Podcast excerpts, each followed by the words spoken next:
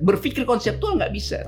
Bayangkan ke, ke, kekuatan uh, retorik dari Bung Karno, logik dari Sultan Syahrir, pengetahuan intelektual peradaban dari Hatta. I, kita sekarang itu kalau mereka kita kasih skor 100, kita mungkin minus 20 sekarang dalam perbandingan uh, serial dengan variabel yang macam-macam. Nah kan kita bisa ulangi seperti itu kan.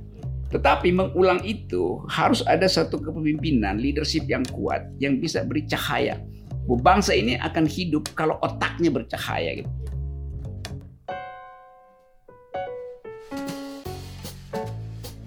Hai teman-teman, Endgame kali ini mengundang Rocky Gerung, mantan dosen filsafat Universitas Indonesia yang kerap mengomentari berita-berita populer di Indonesia saat ini. Di balik semua ini, saya melihat Rocky adalah seorang ilmuwan dalam filsafat yang memahami pentingnya melihat tantangan bangsa dari sudut pandang sejarah dan perilaku masyarakat sehari-hari. Saya harap percakapan ini dapat mengstimulasi banyak percakapan baru mengenai arti nasionalisme, meritokrasi, dan penekanan bernalar dalam sistem pendidikan di Indonesia. Dan bagi teman-teman yang baru pertama kali mendengarkan podcast ini, Endgame adalah sebuah podcast dan talk show hasil kolaborasi SKPP Indonesia dan Vis Cinema. Selamat mendengarkan. Inilah Endgame.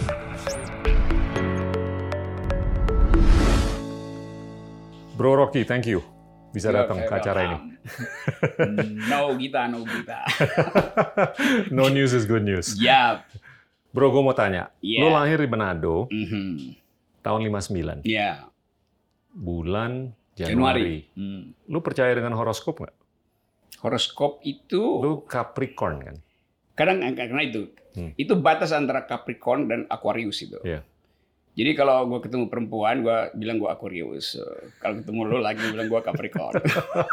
Itu betul tuh loh 20 Januari itu di uh, iya pas di perbatasan. perbatasan itu tuh. Oke. Okay. hmm, tapi horoskop itu kan udah pernah dikoreksi bahwa sudut paralaks uh, bintang itu uh, sebetulnya kalau kita ukur sekarang dia mungkin deviasi 2-3 derajat. Jadi kalau lu, lu apa misalnya? Gue, uh, Virgo. Virgo itu... Tapi gue juga agak-agak di ujung. Iya, Virgo bisa nyebrang ke uh, Virgo Libra. itu September ya? Iya, Libra. Bisa Libra nyebrang itu. ke Libra. Tapi lu Virgo apa Libra tetap lu Gita Geriawan. lu lahir di Manado, hmm. SD di Manado, terus pindah ke Jakarta umur berapa? Gue pindah ya gue lulus SMA PSKD 1 terus masuk UI itu itu okay. cuman ya itu masa Ini remaja PSKD yang di, di Bulungan? Ya? PSKD sini di, oh, yang di... Uh, depan RCM di depan Nogoro oke. Okay. Oke. Okay. SD-nya lulus di mana? Uh, Manado. Manado. SMP Manado. Manado juga. Oke. Okay. terus lu ke UI ngambil political science Iya, hubungan internasional HI itu. Oke. Okay. Itu. Hmm, Kenapa? Dulu gue suka baca uh, International Herald Tribune itu. Tapi kemudian tertarik karena ada waktu itu konflik uh, Timur Tengah, uh, problem Palestina itu kan. Jadi gue mau pelajari itu dengan anggapan bahwa pengetahuan tentang Timur Tengah itu adalah standar untuk mengerti politik dunia tuh pada waktu itu tuh. Okay. Jadi gue baca banyak uh, apa itu sionisme, apa sebetulnya uh, penyebab uh, apa yang sekarang disebut diaspora, atau yep. asal usulnya apa peran Inggris dalam uh, Balfour uh, yep. Agreement. Gitu. Declaration. Ini gue masih ingat tuh karena gue 1917. Yes, gitu-gitu. Hmm. Lo gimana ngelihat situasi di Palestina sekarang? Atau di Timur Tengah. Ini kan akhir-akhir ini kan hmm. terjadi normalisasi kan antara negara-negara Muslim dengan Israel. Yes. Ada pandangan khusus atau? Ada. Gue gue nggak ikuti intensif lagi, tapi terakhir gue kira itu beberapa negara yang melunak terhadap yeah. Iya. Israel itu karena kebutuhan senjata supaya bisa dagang dapat senjata dari Amerika dia terpaksa mesti baik-baik sama Israel kan supaya iya. dapat uh, lampu hijau gitu. Yeah. Nah itu yang dibaca oleh uh, politik Muslim dunia sebagai uh, pelemahan organisasi politik Islam sebetulnya. Tapi bisa aja diberbalik lagi kan. Ini karena itu kita mesti lihat sebagai gejala diplomatik yang temporal aja. Iya. Karena Muslim sebagai civil global civil society dia udah ada semacam pakem itu untuk Iya. melawan ideologi lain, misalnya kapitalisme atau komunisme itu. Jadi udah terbentuk satu ritme di dalam politik dunia bahwa eh, menjadi Muslim itu sekaligus berupaya menghasilkan alternatif ideologi global gitu. Gitu. Ini ini ini kayak gua ujian skripsi eh, nerangin pada Yuwono Sudarsono. Tapi tapi gue mau balik ke topik ini. Tapi kita Yes. kita balik ke Enak juga di, diingatin soal eh, Bener. Ini Soal ini menarik kalau menurut gue. Tapi gue mau coba yap. tarik lu balik ke masa kecil lu. Lu Mhm. baca Herald Tribune umur berapa tuh? Eh, Karena- ya pas SMA awal-awal itu loh. Itu nggak normal bro. Kan kita mesti baca itu di kan itu nggak dijual sekarang kan dijual Iya. di mana-mana. Itu Betul. ada hanya di apa namanya itu Dulu belum ada Peacock. internet. Belum ada internet belum ada. tahun 80-an Karena atau kala 70-an. kan rumah gue deket deket Hotel Indonesia kan. Oke. Di, Di Peacock yang di Mandarin. Enggak, Peacock Eh, itu Peacock di, Hilton. Hilton. Iya, Dan di di- coffee shop. Yang di Hotel Indonesia ada eh, apa namanya? tahu. eh, Gua Rama itu. Iya. Bar itu kan. Hah. Nah, itu gue bisa ke situ baca. Karena tinggal nyebrang dari gue tinggal di Jalan Haji Agus Salim itu kan 200 meter ke Hotel Iya. Indonesia nyebrang Tamrin hanya mau baca itu kan. Atau nunggu telefax. Dulu kan pakai masih pakai telefax kan? Gitu. Dan gue anggap bahwa lama-lama gue lihat gue rasa gue udah ngerti itu. Karena yang diterangin di kelas hubungan internasional UI ya itu berita-berita juga. Ya gue baca sendiri tuh gitu lah Gue gua nggak tahu banyak orang waktu SMA udah baca Herald Tribune. Hmm. Gue aja nggak baca.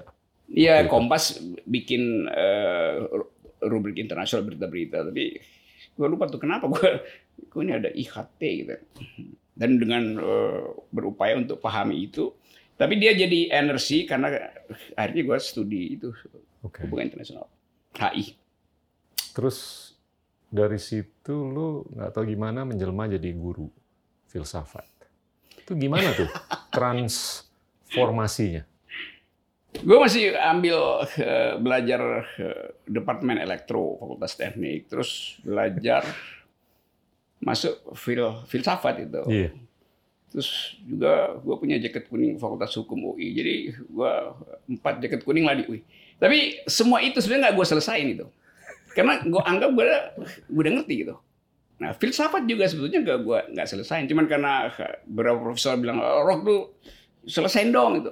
Dia lobby teman-teman gue yang senior kan. Dibilangin dong si Rock itu selesain. Gue bilang, ya gue pikir deh. Akhirnya eh, dua minggu sebelum DO, lo kalau nggak selesai dalam dua minggu, DO tuh kata eh, profesor, profesor termasuk Tuti Herati itu yang eh, Ya. guru gue di situ. Gue bilang, ya, lama-lama dia telepon lagi, udah oke deh. Empat hari sebelum gue DO selesai itu barang tuh.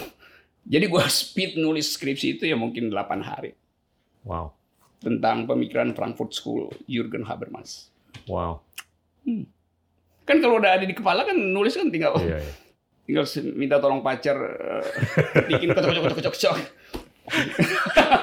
ya kan gue ngetiknya kan dua jari lama tuh. Dua telunjuk.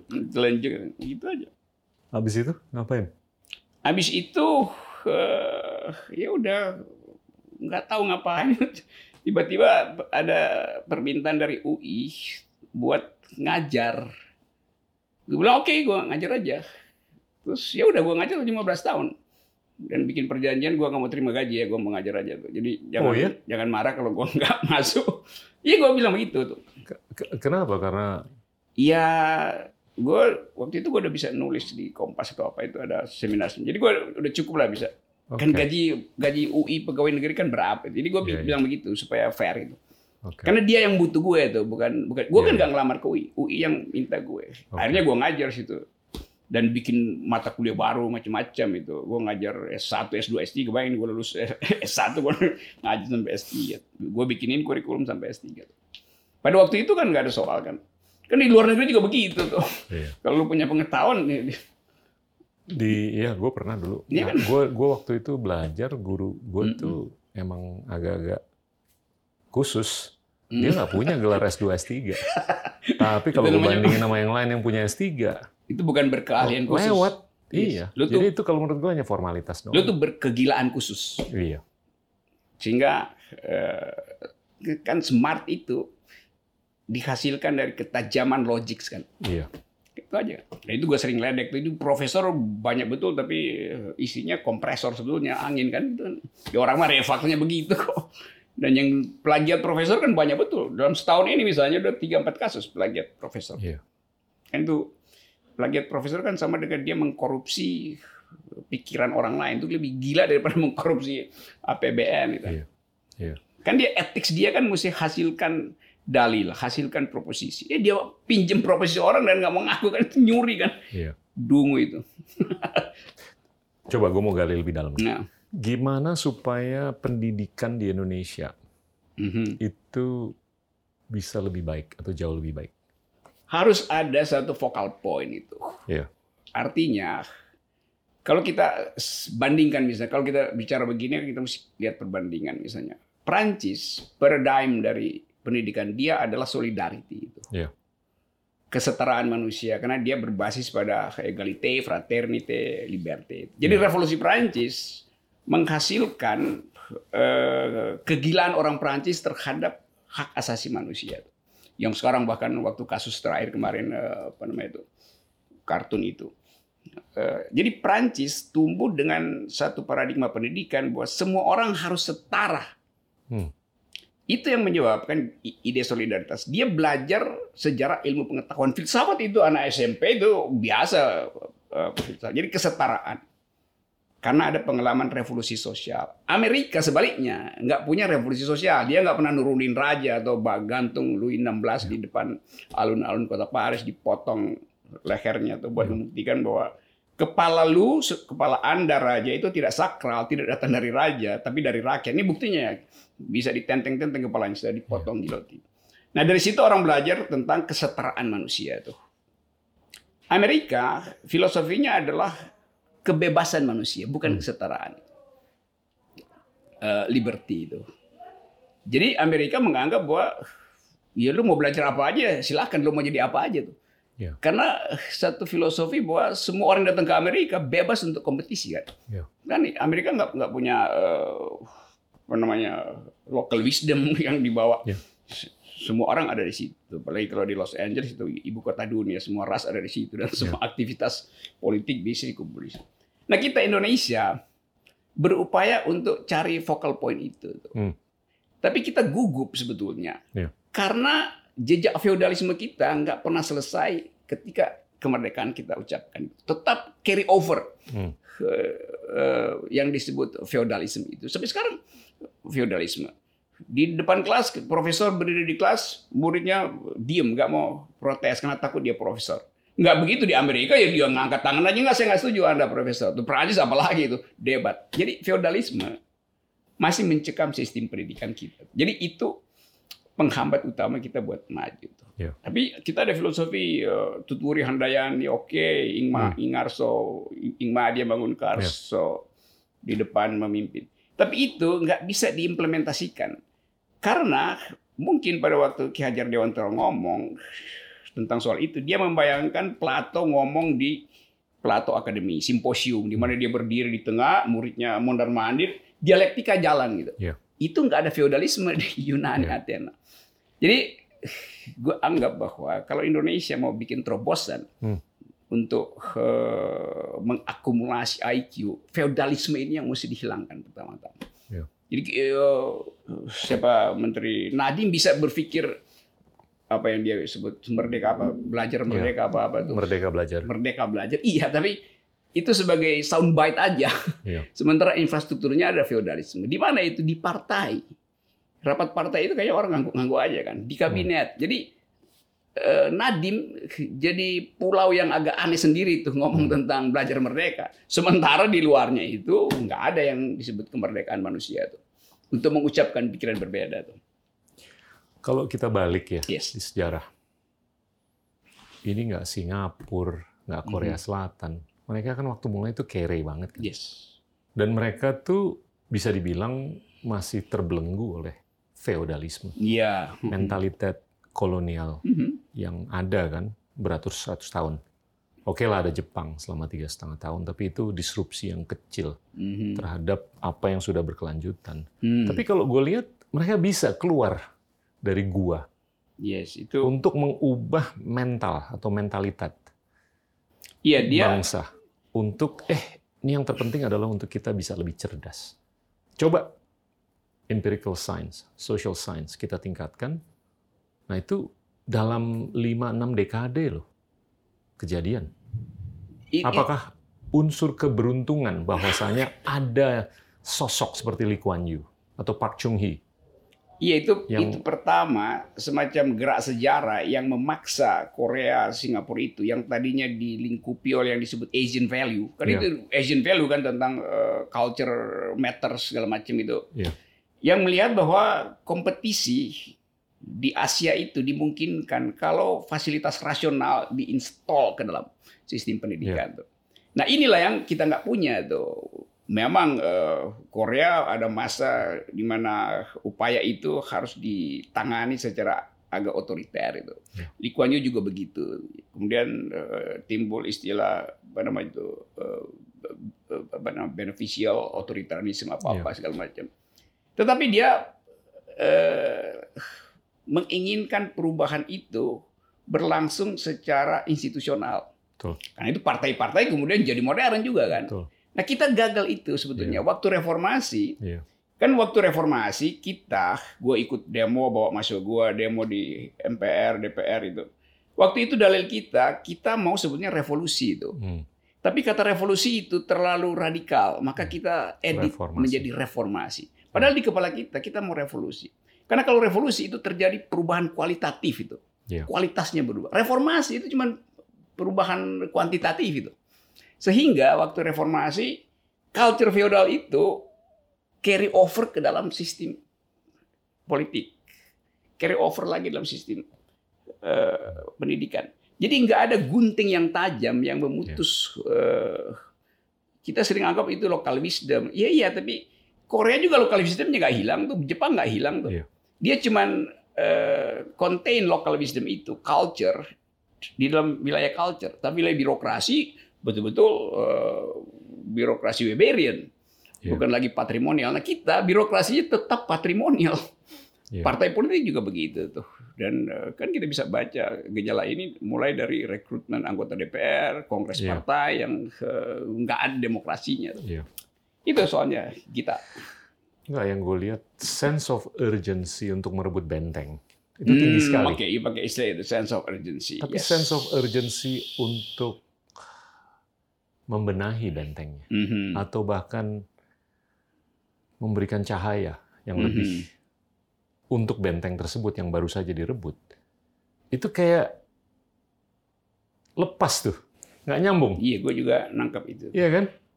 Kalau kalau di Singapura mereka kan ya GDP per kapitanya tuh Mhm. lebih rendah daripada negara termiskin di Afrika tahun 59 Iya. Mhm. waktu mereka mulai kan.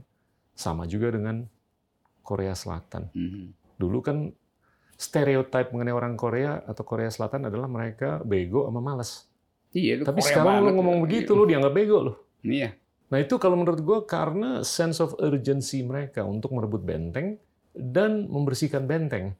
Mhm. Nah kalau menurut gue sense of urgency kita untuk merebut benteng tuh tinggi banget. Tapi sense of urgency untuk mengedepankan pendidikan atau untuk mencerdaskan bangsa. Nah itu kan tentunya mengandung institutional building. Yep. Tapi ini nggak kejadian. Apakah, ya ini hipotesa ya, apakah nggak ada sense of urgency untuk mengedepankan atribut-atribut yang esensial? Kalau ada sense of urgency, gue kasih contoh misalnya, beberapa bulan lalu gue ke Indramayu bikin studi kecil gitu. Indramayu itu setelah ada jalan tol, tiga jam kita udah nyampe di situ dari Ya. pusat ibu kota. Tetapi angka rata-rata pendidikan orang Indramayu itu lima setengah tahun, jadi nggak lulus SD. Wow. Yes, Padahal itu cuma tiga jam dari sini. Tapi apa yang kurang di, di, di Indramayu misalnya? Indramayu punya pantai yang panjangnya 150 km. Itu sumber protein tuh buat ngisi uh, otak itu. Indramayu punya uh, ada gunung Ciremai di depan situ tuh. Itu sumber cadangan karbon kita buat trading dengan Eropa. Betul. Indramayu punya Indramayu adalah uh, resort beras kita tuh. Yeah. Jadi dia punya karbohidrat, dia punya protein ikan, dia punya oksigen di gunung itu. Wow. Dia punya bandara internasional yang dibikin di yeah. Majalengka itu dan yeah. dia punya jalan tol. Tapi 5,6 tahun. Jadi anak itu ke mana itu? Dia jadi pengemis di jalan tol. Karena tadi sense of urgency itu Iya. Tidak diucapkan dengan konsistensi itu. Bupati sih asal ngomong aja tuh calon bupati. Tapi setelah itu dia digerogoti lagi oleh birokrasi yang feodal tadi. Itu betul tuh ya. Eh, direbut Indramayu. Batik Indramayu sekarang nggak ada yang beli di situ karena jalan tolnya itu nggak masuk Indramayu, dia langsung ke Pemalang. Iya. Jadi bagian itu juga kan nggak dipikirkan kan. Iya. Sehingga gapnya buset itu tiga jam dari sini yang Jakarta pusat ibu kota rata-rata pendidikan tinggi di situ rata-rata pendidikan tidak lulus SM 5,6 tahun itu ya tidak lulus SD. Wow. 5,6 tahun. 6 tahun kan SD kan 6 tahun. Wow. Gila. Gue gue tuh menyayangkan karena kita tuh udah banyak kemajuan, hmm. tapi kadang-kadang resiko underperformance Hmm. Bukan resiko non performance, tapi resiko underperformance. Kita gimana bisa lebih baik sebetulnya daripada apa yang mencegah kita lakukan. resiko underperformance iya, itu. gimana supaya kita bisa mencegah resiko underperformance. Dan ini kalau menurut gue sangat berkorelasi dengan pendidikan, ya kan? Mm-hmm. Ya lo lihat aja lah kalau ranking-ranking pendidikan untuk science, pengetahuan bahasa, komunikasi dan social oh, science pun juga. Ya kita realistis lah. Tapi gue sih nggak apa-apa. Kita ikhlaskan. Tapi what-nya itu kita udah jelas, tapi how and who-nya mm-hmm. itu yang kadang-kadang kita nggak, aduh, agak-agak butek. Nah itu kita perlu roadmap dan roadmap-nya tuh ya walaupun inkrementalis nggak apa-apa, tapi asal jelas. Dan itu kalau menurut gue penting loh untuk masa depan kita. Satu hal sebetulnya ini soal uh, kan pendidikan itu sering kali itu ditarik oleh figur seseorang gitu, yeah. oleh leadernya tuh Nah, kemalasan di dalam berpikir terlihat di mana-mana sekarang. Yeah. Jadi orang juga merasa ya udah bisa main Twitter, udah bisa TikTok, uh, TikTok, hmm. IG gue ada yang komen, dianggap itu udah pengetahuan kan. Yeah. Juga kalangan uh, yang disebut selebritis juga begitu. Hmm. Dua kali, ini saya masih kritik kebudayaan aja tuh. Dua yeah. tiga kali tampil merasa jadi selebritis. Selebritis itu paham tentang seluruh pikiran dunia karena itu lu disebut selebritis Kan masa dia cuma paham tentang sinetron yang dimainin tuh. Karena pers cuma sorot itu tuh. Lalu uh, terlihat dia pakai apa namanya Hermes itu. Lalu ya. jadi selebritis. Dia nggak ngerti bahwa Hermes itu misalnya kalau kita tanya apa yang disebut Hermes itu ya ini tas mewah. Lo Hermes itu dewi pengetahuan, yunto perdagangan kan dia nggak ngerti itu Hermes itu. Yang penting dia bawa itu. Itu yang terjadi kan nggak ada nggak ada kaitan antara yang dia konsum dengan pengetahuan dia. Iya. Dulu misalnya Hermes itu justru disebut sebagai tasnya Grace Kelly. Iya. Karena Grace Kelly pakai Hermes itu buat nutupi kandungan dia dari paparazzi itu. Jadi sebetulnya dulu dipakai buat melindungi privacy itu. Sekarang dipamerin. Ini ini apa? uh, catatan kaki aja. Lo, lo kayak duta dutanya Hermes lo. iya kan sering kan kita lu pakai Hermes iya. Lu ngerti nggak bisa Hermes? Dan tas itu, tas Hermes pernah dipakai oleh Grace Kelly buat gebukin petugas uh, yang punya restoran di Los Angeles. Dia mau masuk ke situ makan restoran Italia apa apa itu ditahan oleh yang punya nggak bisa. Dia datang dengan sastrawan uh, kulit hitam Yeah. Kata Grace Kelly, teman gue, gue mau makan sama-sama di situ. Nggak boleh, Anda boleh masuk, teman Anda nggak boleh. Hermes itu dipakai gap gap gaplokin. Jadi itu tas yang di dalamnya ada jejak hak asasi manusia, kira-kira begitu. Nah kita di sini oh gimana coba? Eh, ada ibu-ibu dia pakai Hermes, terus pakai bawa babysitter, bayinya menangis, mau dipindahin ke ibunya, bilang tangan saya kamu nggak lihat nggak? Sini lagi pakai Hermes nggak bisa uh, gendong bayi saya dikasih ke babysitter. Ya, ya. Jadi eh, kedangkalan itu sebetulnya. Ya, ya. Ya mewah tapi dangkal kan. Ya, ya. Betul. soal. Kalau kalau gue bilang Nadim tuh punya misi yang mulia. Oh ya Tapi gue gue sepakat dengan lo. Bahwasanya kendala di sekitarnya dia itu cukup sistemik, Yes. ya kan struktural. Nah ini gue lagi mencari gimana nih untuk mengubah secara Hmm, struktural supaya ke depannya nih directionality-nya nih ke arah yang benar. Nah gue mau gue mau agak sodok dikit nih. Akhir-akhir ini kan kita nih disodorin kemajuan-kemajuan mengenai artificial intelligence, Yep. di mana kita bisa merekayasa intelligence seseorang. Mhm. Iya. Ini dengan asumsi bahwa kapasitas cerebral kita Iya. ini hanya 10% lah utilisasinya. Mhm. Tapi itu bisa ditingkatkan Bisa. apakah secara biologis ataupun secara artifisial. Apakah kita harus memberdayakan hal-hal seperti itu untuk mengakselerasi akselerasi kecerdasan? Sebetulnya bukan harus. Eh, Kita sudah di dalam tahap itu tuh. Hmm. Kita sebenarnya sudah hadir sebagai makhluk yang eh, separuh bio bio biotech gitu kan. Iya. Kalau eh, ini milenial misalnya oh, kita aja tuh ketinggalan handphone kita ketinggalan separuh dari aktivitas kita kan. Gemeter. Gugup kita. Iya. Karena di situ kita kumpulkan bahkan emosi kita kita titip di situ. Iya. tuh. Kita takut tiba-tiba WA gue dibuka oleh Iya. eh, pacar gue terus dia lihat ada eh, model lain di situ kan. Iya. Jadi kita grogi kalau kita Iya. ketinggalan eh, Iya. barang itu. Jadi sebetulnya handphone ini adalah extension dari psikologi kita. tuh. Dan eh, itu berarti eh, perkembangan teknologi dengan sendirinya akan menguji ulang yang disebut sebagai existential eksistensialisme dalam diri manusia. Iya. Eh, apakah saya masih punya self core itu Hmm. setelah ada teknologi? Ini kan eh, udah robot mini kan yang Betul. udah berlaku. Nah kita mesti siap ke situ. Nah dalam persiapan itu kita memang akan berhadapan dengan problem etik. Iya. Karena ada ingatan sejarah bahwa ada Frankenstein, tapi kemudian orang lihat bukankah eh, Hitler juga dulu bikin rekayasa itu yang Betul. disebut Biologis. ya biologi eugenik, eugen, eugenik itu, Hmm. genik baru itu.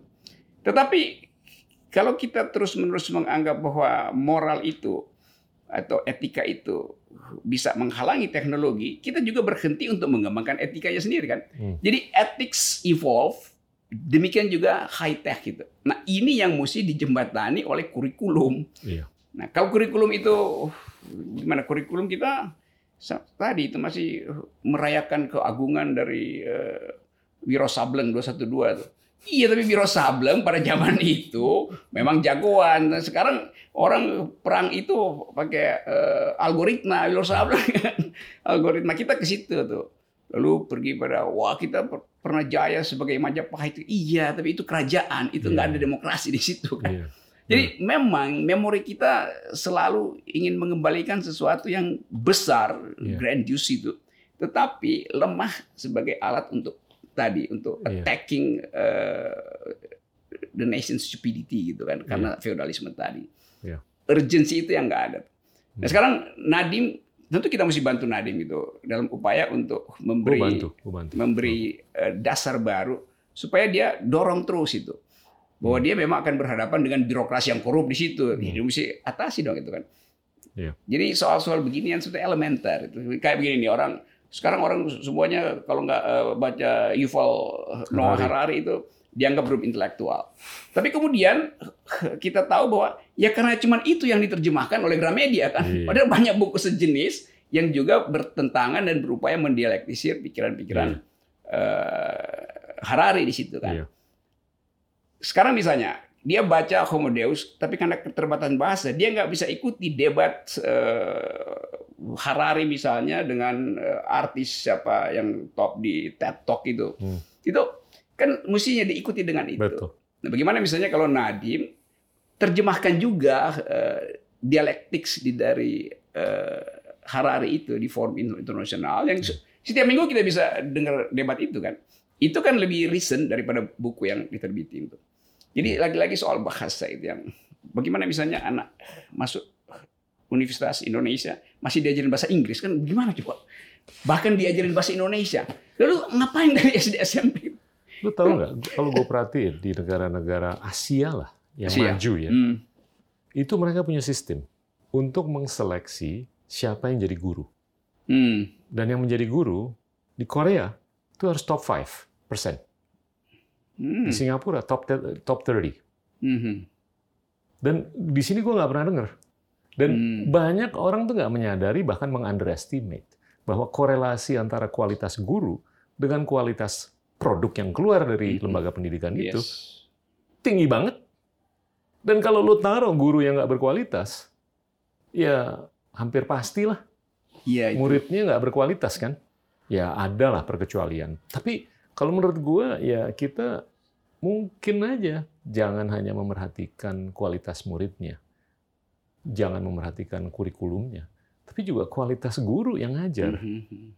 Dan ini ya lu kan mungkin top of the class, untung lu mau jadi guru. Tapi temen-temen lu yang top Hmm.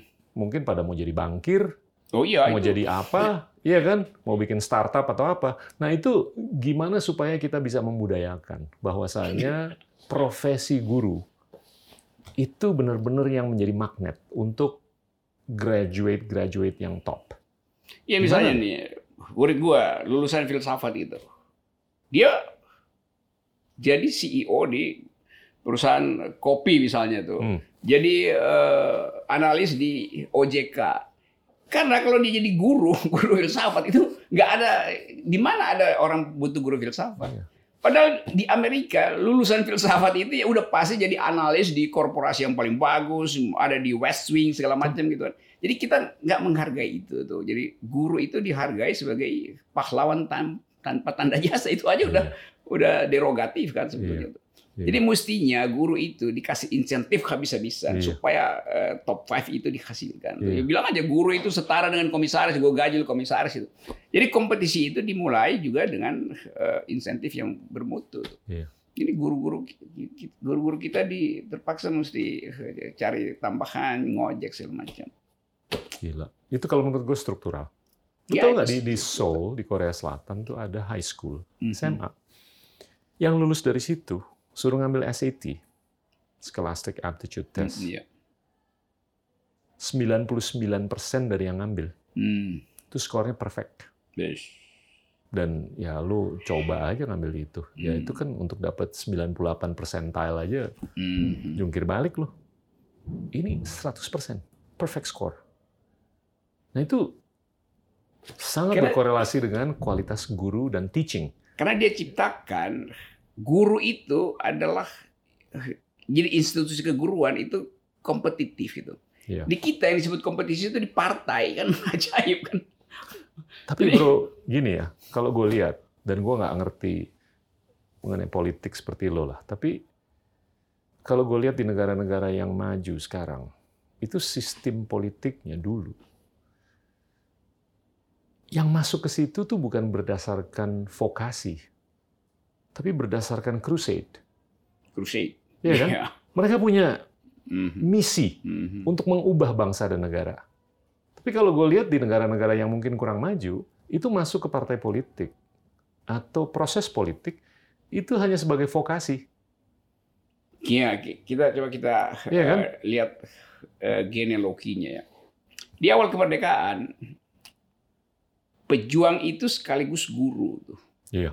Syahrir Hatta, Soekarno bahkan guru, Panglima Sudirman guru Iya. segala macam, Cokro Aminoto. Jadi energi dia itu ingin dia dia kuras Iya. untuk satu politics of hope itu. Betul. Ke depan dia bayangkan Iya. jembatan sama segala macam itu. Perubahan yang positif. Ya itu ada Hmm. perubahan eh, kualitatif bangsa ini. Karena Hmm. dia mengalami sendiri penderitaan masa kolonial tuh. Hmm. Jadi dendamnya itu dia Hmm. tumpah ke dalam kurikulum. Hmm. Maka konstitusi kita dihasilkan oleh debat Hmm. intelektual yang kuat. Yang nggak bisa kita lihat lagi sekarang. Kita lihat talk show kita itu isinya pendangkalan aja yang sana Hmm. ngoceh, dikasih konsep marah itu di tersinggung itu yang sering gue bilang lu dungu amat sih itu. Padahal itu hal yang seharusnya kita ucapkan. Karena ini kan intelektual kan yang beredar Iya. di sini kan. Tetapi pengertian konsep, berpikir konseptual nggak bisa. Iya. Bayangkan ke, ke- kekuatan eh, retorik dari Bung Karno, logik dari Wow. Sultan Syahrir, pengetahuan intelektual peradaban dari Hatta. I- Kita sekarang itu kalau mereka kita kasih skor 100, kita mungkin minus 20 sekarang dalam perbandingan Iya. eh, serial dengan variabel yang macam-macam. Iya. Nah kan kita bisa ulangi seperti itu kan. Iya. Tetapi mengulang itu harus ada satu kepemimpinan, leadership yang kuat yang bisa beri cahaya. Iya. Bangsa ini akan hidup kalau otaknya bercahaya gitu. Iya. Cahaya itu nggak datang dari Iya. kalimat-kalimat pendek pemimpin kita itu betul-betul kita nggak tahu ini kali bikin kalimatnya nggak bisa itu. Iya. Apalagi berpikir runtut itu. Jadi desain itu yang eh, ya ini kita eh, ngomong kita dalam upaya kasih gambaran yang Betul. eh, Gimana untuk view- iya. supaya ada kemajuan. Jadi mental fatigue itu udah Iya. masuk sebetulnya pada bangsa ini lalu merasa wah entahlah nanti ada keajaiban. Nggak ada keajaiban, keajaiban itu dibikin itu. Iya. Mental crusade dan eh, eh, logic of critical criticism itu harus betul-betul dijadikan pandu bagi kurikulum pendidikan. Lu kalau ah, iya ada pepatah lah. Lu kalau if you practice, you get luckier. Ya, ya. Tapi if you don't practice, Mhm. you will Yes. never be lucky. Iya kan? Itu itu Jadinya mau nggak mau lu harus gigih, lu harus latihan, ya. dan lu harus ya belajar. Mhm. Dan ya gua nggak, gua nggak ngelihat ya kalau gua membandingkan diri dengan negara-negara tetangga lah yang lebih Hmm. sejahtera, lebih berpendidikan dan segalanya. Kalau menurut gue bukan bukan mustahil loh untuk kita bisa melakukan hal-hal yang sama Mhm. bahkan lebih baik lagi. Dan gue gue curious deh. Ini ini gue tetap mau stick ke topik tadi. Yes. Eh, perpanjangan intelligence biologis ataupun Oke, go back situ. artifisial. Pemberdayaan hal-hal seperti itu lo ngelihat sebagai keniscayaan atau bonus saja? sebetulnya kita mesti menunggang pada keniscayaan itu tuh. Hmm. Karena ini kan satu uh, inevitable di dalam gerak teknologi pasti akan eksploitasi sampai uh, detail foton terakhir yang bisa mengaktifkan otak misalnya. Iya. Lalu kita mesti membayangkan bahwa ya kalau begitu kita nggak perlu lagi lobus frontal itu. Karena lobus frontal bisa diisi dengan chips itu kan. Hmm. Nah itu justru memungkinkan orang riset tentang cognitive studies kan. Iya. Tapi di kita itu tidak dilihat sebagai tantangan itu. Kalau otak kita eh, tinggal 50%, emang kenapa itu? Daripada yang 50% itu diisi feodalisme, mending diisi oleh robot kan? Ya. Begitu kan cara berpikir. Benar. Tetapi selalu ada ada rasa bahwa kita akan kehilangan eh, identitas kebangsaan itu. Ya. Ya padahal identitas kebangsaan hanya dimaksudkan untuk memberi api pada pengetahuan. Ya. Ya, kita orang kita kita bangsa gede iya tapi otak kita kecil ngapain kan? Ya. Jadi ber, berhalusinasi dengan identitas kebangsaan sambil menutup percakapan intelektual tentang kemajuan teknologi itu. Beberapa orang sih nggak peduli milenial sekarang mungkin dia nggak peduli, tapi dia nggak nggak ditempatkan di dalam arah oleh si pemimpin itu. Iya. Satu waktu nanti pemimpin bilang, oke ini saya tadi gue baru baca eh, eh, Presiden Jokowi mengatakan ini kan ada di koran itu, Iya. kita harus eh, halangi produk luar negeri itu, buset. Bagaimana mau kompetisi? Karena itu berbahaya tuh. Karena itu di mall-mall harus produk Indonesia didahulukan, produk luar negeri jangan ditaruh di showcase. Lalu bagaimana kita mau tahu bahwa ada perkembangan produk yang dihasilkan oleh teknologi? Kalau showcase-nya isinya adalah artefak yang sebetulnya kerajinan yang sebetulnya orang, orang kan kita udah tahu kenapa produk kita kan ngapain dipamerin Iya. lagi kan? Mestinya produk itu dibawa ke luar negeri itu Iya. tukar tambah kebudayaan. Tapi jangan halangi produk asing itu apalagi eh, permainan teknologi misalnya jangan ditaruh di itu kan agak aneh Pak Jokowi sebetulnya Gue gue percaya dengan pengedepanan produk dalam Mhm. negeri Iya selama itu layak yes dikonsumsi Mhm. dan kelayakan itu bisa diukur oke kalau dia udah melewati, Mhm. ya kan, tahapan Iya. kompetisi.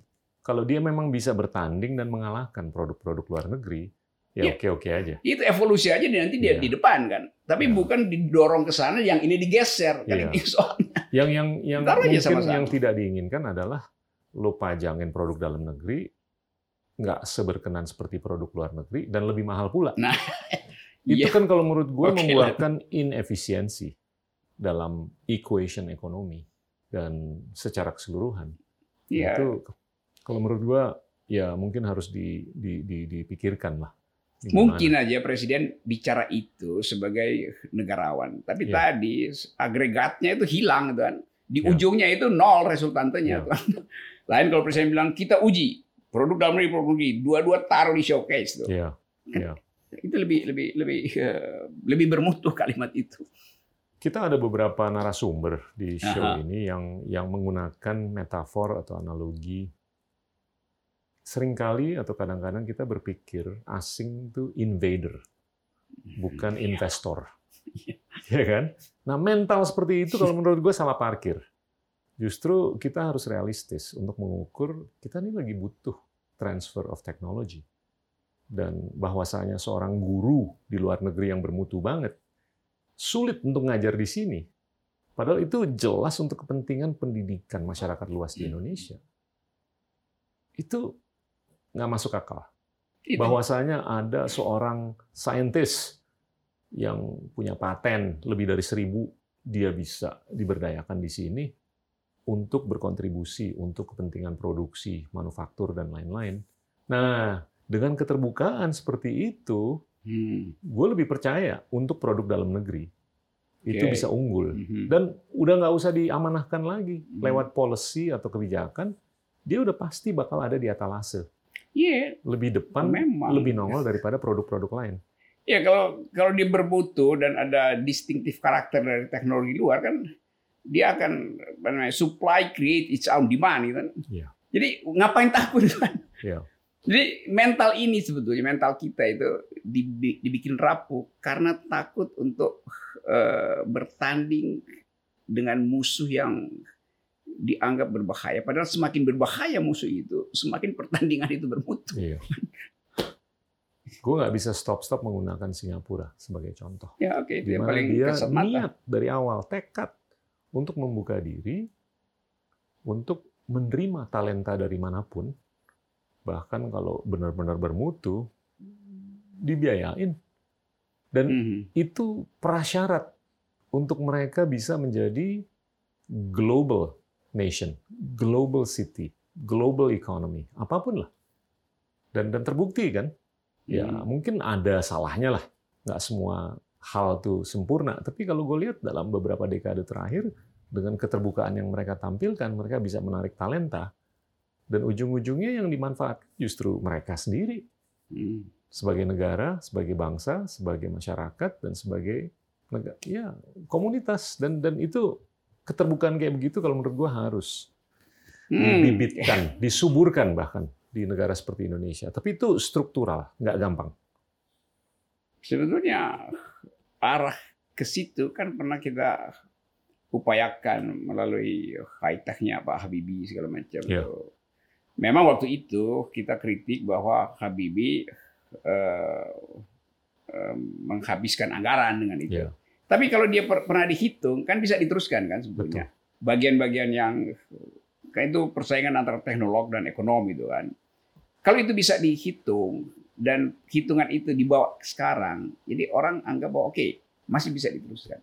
Tapi itu, udah dihilangin cara berpikir itu link and match segala macam Ya. eh, sehingga orang jadi kita ini ini negeri yang nggak pernah ada file tentang keutuhan kurikulum jadi penggal-penggal penggal begitu ada presiden lain supaya berbeda dengan presiden sebelumnya dia ucapin eh, bombastis yang baru kan makanya tagline jadi lain gitu hanya untuk lain Iya. padahal sebenarnya basisnya mestinya dia teruskan kan Iya.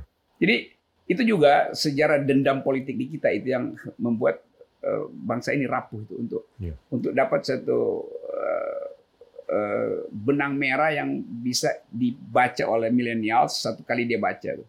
dia nggak ragu-ragu oke ini paket yang akan saya tempuh supaya dalam eh, tujuh tahun ke depan minimal kita udah eh, dapat 80% dari eh, privilege Singapura Iya. kan gampang tapi kalau kita menyebut Singapura nanti dalam bayangan kita oh itu Oh, oh, iya kan. yes Tapi nggak tahu gimana naluri gue ya. Ya, ya kan kan lu, Itu- lu kan dia global, lu bisa bikin perbandingan. Iya, dan dan Dan balik ke, itu. ke pendidikan. Gimana supaya lulusan-lulusan dari sekolah yang terkemuka di Indonesia itu termotivasi untuk jadi guru? Nah, itu perlu Iya kan? dibuat Ya secara kesejahteraan terjamin, secara apa pun lah terjamin. Ya dia pasti bakal dapat tawaran kayak dari perusahaan multinasional, dari perusahaan nasional, gaji dan segalanya paketnya tuh luar biasa. Tapi gimana supaya dia ah enggak, gue mau ngajar aja. Karena di sini gue bisa sejahtera dan gue kayaknya lebih bisa melakukan hal-hal yang lebih mulia. itu, Itu kalau Mhm. itu bisa dipedomankan dan kejadian, kualitas pendidikan kita tuh bisa lebih baik. bisa mesti dibikin Maksudnya sekarang sih udah membaik, tapi itu Iya. bisa lebih cepat membaik. ah, supaya lebih cepat bikin GWLS Gita Wirjawan Leadership School. Gue mau ngajar. kan terpaksa kita mesti ambil inisiatif kan kalau birokrasi diam. Walaupun studio ini udah banyak produk eh, culture artistik yang eh, kredensialnya ada diakui dunia lah tuh. Film-film film film-film yang eh, sebetulnya menginspirasi untuk membuka wawasan tuh kan. Iya.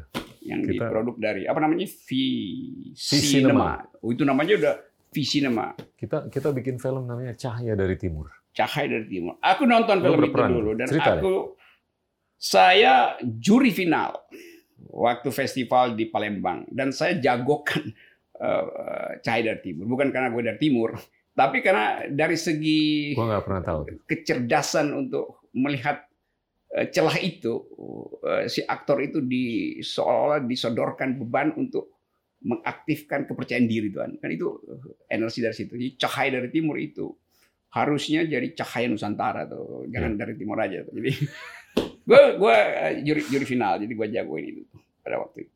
Hmm, Itu jadi- luar biasa karena Ya. dia bisa apa ya memproyeksikan cahaya mengenai rekonsiliasi. Ya gitu ya. Dan ya. rekonsiliasi itu dibuahkan oleh anak-anak muda. Hmm. Hanya dengan main sepak bola. Ini sepak bola mulai dengan percakapan, tiba-tiba Hmm. ke dari timur cahaya terbit. Weh. Hmm. Bro, gue mau nanya lo mengenai sejarah. Sejarah oke. Dan ini gue akhir-akhir ini sering agak bukan kritis, tapi bertanya, kenapa orang Indonesia tuh budaya bacanya tuh kurang? Apalagi budaya nulis.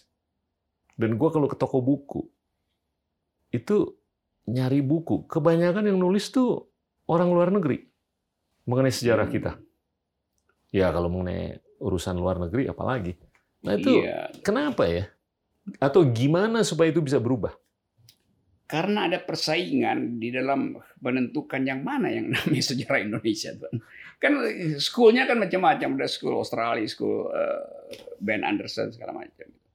Misalnya buku uh, Ricklets tentang eh, modern Indonesian history itu udah diterjemahkan di sini. Walaupun mesti kita baca pelan-pelan supaya pas dengan aslinya. Tapi dia udah dibantu diterjemahkan itu. Tapi karena dia tebal, itu mungkin 2000 halaman itu, karena dia revise terus kan, dia dia mungkin sampai 2014 masih ada revise edisinya. Kan itu yang mestinya digratiskan pada kan dibikin PDF. Kan dana kita kan buat pendidikan gede banget kan. Iya. Lalu ada perlombaan misalnya mereview buku itu yang ditulis oleh orang lain. Jadi semua orang akhirnya baca itu. Nah kalau si anak SMP, SMA nggak tahu, dia akan paksa ibunya atau bapaknya. Ayah tolong terangin dong apa peristiwa di sini. Jadi ayah juga belajar, ibunya belajar kan. Jadi satu buku itu bisa menghasilkan percakapan. Nah, lepas dari eh, bahwa itu eh, analisis orang luar. Juga banyak buku bagus yang eh, akhirnya dilarang karena dianggap buku berbahaya bagi pikiran. Misalnya eh, eh, Madilog dari Ya. Tan Malaka yang kaya dengan logik, kaya dengan satire itu. Sekarang Hmm. orang nggak cuman ya Tan Malaka itu siapa itu. PDF-nya masih beredar tapi kalau orang kelihatan membaca nanti ditegur itu itu bahaya loh itu buku kiri loh. Jadi atau misalnya Syekh Siti Jenar, memang itu kasus yang yang eh, spektakuler kan. Menentukan kenapa Syekh Siti Jenar mengambil risiko untuk menganggap dia sedang naik ke ke tarekat untuk mencapai kesempurnaan rohani itu. Kita mesti lihat dalam sejarah Indonesia apa yang terjadi sehingga sesi jenar akhirnya dibunuh itu. Dan kita nggak usah bilang bahwa pembunuhan itu tapi di dalam politik Indonesia ada keadaan di mana persaingan pikiran menghasilkan kekerasan itu kita belajar kan Nelson Mandela misalnya tuh ya. kan bisa dijadikan semacam uh, tokoh fiktif yang kemudian orang dipaksa dalam pandemi ini membayangkan keadaan Mandela waktu di penjara apa buku apa aja yang dia baca tuh Mengapa dia tahan untuk uh, terus menghadapi uh, rasisme di situ tuh? Kan itu spirit. Nah, itu pentingnya tadi kalau guru-gurunya bermutu tadi yang five top itu. Jadi dia dia bisa kaitin seluruh pengetahuan dunia supaya si anak itu terangsang untuk berpikir kembali kan. Gila loh dengan anggaran pendidikan 400 dari 500 triliun per tahun. 500 kan 500 triliun ya. Was. Itu lu bisa kan sisihin. Seberapapun lah untuk memastikan lulusan-lulusan yang top 5% kayak 10% kayak 20% itu benar-benar mau ngajar. Terus bisa juga dipakai untuk menopang kepentingan orang menulis buku. Problemnya kan, lu kalau di luar negeri, lu mau nulis buku, ide lu keren banget. Lu datang ke publisher, dia, wah ini keren banget nih, 10 ribu dolar. Hmm. Lu, lu drop deh apa pun yang lu lagi kerjain sekarang, ya, lu bikin draftnya dalam tiga bulan. Di sini lu ada ide yang keren banget, lu datang ke siapa pun, mana mau dia ngeluarin 10 ribu dolar. Hmm. Nah itu mungkin sebagian dari 500 triliun itu bisa disisihkan untuk memicu proses nulis oleh orang-orang yang brilian di Indonesia. Karena mau nggak mau lah mereka harus bukan hanya berkarya, tapi bersejahtera. Nah itu menurut gue bisa tuh kalau dipedomankan hal-hal seperti itu kan ini ini perlu satu satu pertemuan simposium kecil aja tapi serius ngurus begini jadi iya. wah milenial kan juga ingin agak dikait-kaitin supaya dia dia tahu apa sebetulnya yang terjadi di dunia apa hubungannya dengan tokoh-tokoh kita itu uh, orang kagum misalnya dengan Katy Melua itu yeah. penyanyi uh, remaja yang tiba-tiba melejit di Inggris uh, misalnya judul lagunya itu uh, Nine Thousand Bicycle in Beijing segala macam. Itu kan menimbulkan kok dia bisa uh, yeah. create itu. Imajinasi. Apalagi kalau iya atau kita bilang eh tahu nggak kalian bahwa Katy Melua itu di umur mungkin 15 16 tahun dia udah nyanyi di depan ulang tahun Nelson Mandela. Jadi si milenial ini sambil dia uh, apresiasi pada uh, selebritis yang jadi jadi fans dia, Katy Melua, dihubungkan dengan Mandela. Maka si misalnya, oh iya ya, kita juga mesti baca Nelson Mandela kan. Kan itu cuma kemampuan untuk menghubungkan kalau ada uh, the best five yang dalam pengertian uh, best five bisa best ten segala macam. Tapi tetap ada elite yang memikirkan yeah. itu. Guru sebagai elite peradaban. Yeah. Gitu. Wow. Hmm. Gue sih ngeliat ya, Western civilization selama 200 tahun terakhir itu keunggulan mereka adalah untuk bisa mencatat mm-hmm. ilmu, pengetahuan dan menurunkan. Yeah. Dan dalam proses pencatatan dan penurunan itu peer review-nya keren banget.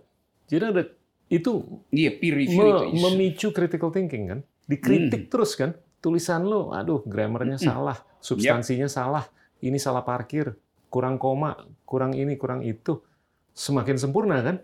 Tapi itu tercatat dan itu diturunkan ke generasi berikutnya. Nah itu yang sering gua kritik. Ngapain sih UI misalnya mesti ada target yang lulus berapa itu?